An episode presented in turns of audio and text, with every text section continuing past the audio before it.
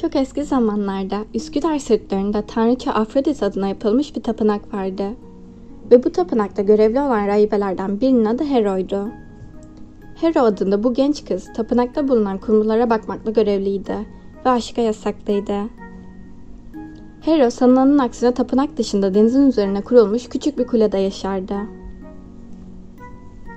Hero'yu görenler güzelliğinin büyüsüne kapılır ve onu Afrodit'in kendisi zannederlerdi. Bu genç rahibe güzel olduğu kadar alçak gönüllüydü de. Bu yüzden Afrodit bu kızı kıskanmak bir yana onu çok severdi. Her sene ilkbaharın gelişiyle birlikte Sestos'ta şenlikler düzenlenir, çevreden insanlar akın akın buraya gelirdi. Ve Afrodit'in mabedini ziyaret ederlerdi. İşte böyle bir bayram günü Leandros adında yakışıklı bir genç Afrodit'in mabedindeki bir ayna katılmıştı. Abidos'ta olan Leandros getirdiği hediyeleri sunmak üzere mihraba yaklaştığında güzel rahibe Hero'yu görünce aklı başından gitmiş, ilk bakışta ona aşık olmuştu. Ayin boyunca gözlerini güzel rahibeden ayıramamıştı. Sanki karşısındaki Afrodit'in ta kendisiydi. Leandros gün batıncaya kadar mabedinin bir köşesinde bekledi. Ziyaretçiler bir bir mabedi terk edince yavaşça tek başına kalan Hero'ya yaklaştı. Rahibe delikanlıyı görünce ürkerek geri kaçtı ama Leandros onu durdurdu. Ve oracıkta mihrabın önünde Hero'ya duyduğu aşkı dile getirdi.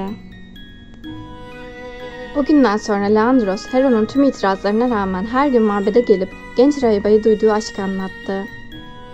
Hero defalarca ona bir rahibe olduğunu ve böyle bir aşka karşılık veremeyeceğini söylese de Leandros pes etmedi. Duyduğu sevgi öylesine büyüktü ki bir gün mutlaka karşılığını alacağına inanıyordu. Tüm çabaları ve ısrarları sonunda arzusuna kavuştu. Hera da onu seviyordu ancak aralarında büyük bir engel vardı. Hero deniz sahilinde ıssız bir kulede yaşıyordu. Yaşlı bir kölenin kontrolü altındaydı. Üstelik Leandros'un yaşadığı şehirle arasında bir deniz vardı. Ama Leandros aşk uğruna her şeyi yapmaya hazırdı. Buna gece karanlığında yüzerek denizi geçmek de dahildi. O akşam yaşadığı şehre geri döndüğünde sahile inerek denizi seyretti. Gözleriyle karşı kıyıdaki kuleyi arıyordu. Bu sırada rüzgar şiddetini arttırmış, bulutlar ayı ve yıldızları kapatarak ortalığı karanlığa boğmuştu. Issız kulede köle ile birlikte oturan Hero endişeyle dışarıyı izliyordu. Bir ara yaşlı kadına dönüp bu korkunç gecede kim bilir kaç balıkçı yolunu bulup evine dönemeyecek. Bence karanlıkta yolunu kaybeden denizcilere yol göstermek için, onları felaketten kurtarmak için kalenin üstüne bir meşale yakarsak Afrodit'i de sevindirmiş oluruz dedi.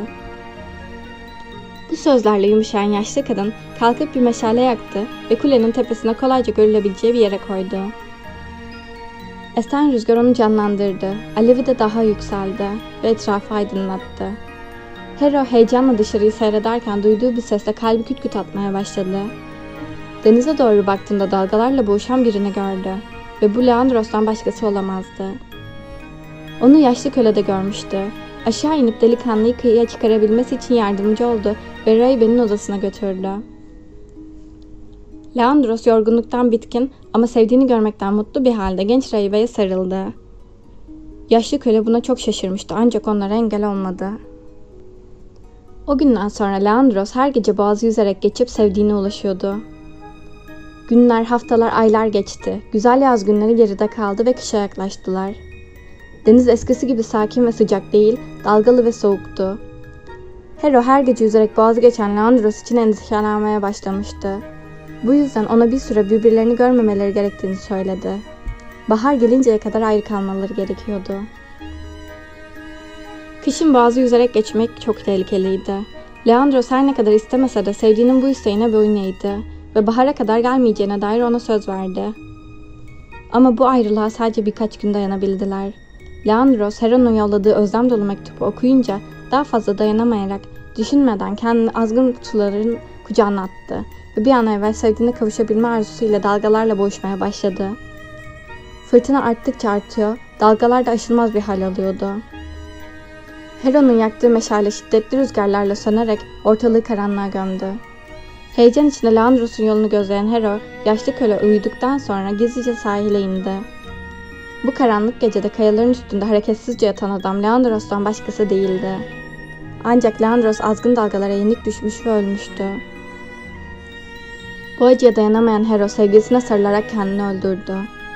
Kasabalılar bu haberi duyunca yas elbiselerine bürünüp kuleye geldiler. İki sevgilinin cenaze törenine katıldılar. Onları deniz kıyısında aynı mezara gömdüler ve onların anısına boğazın azgın sularına güzel kokulu çiçekler attılar. Bu aşkın yaşandığı kule, yalnızlığın ve ulaşılmazlığın simgesi olan Kız Kulesi'ydi.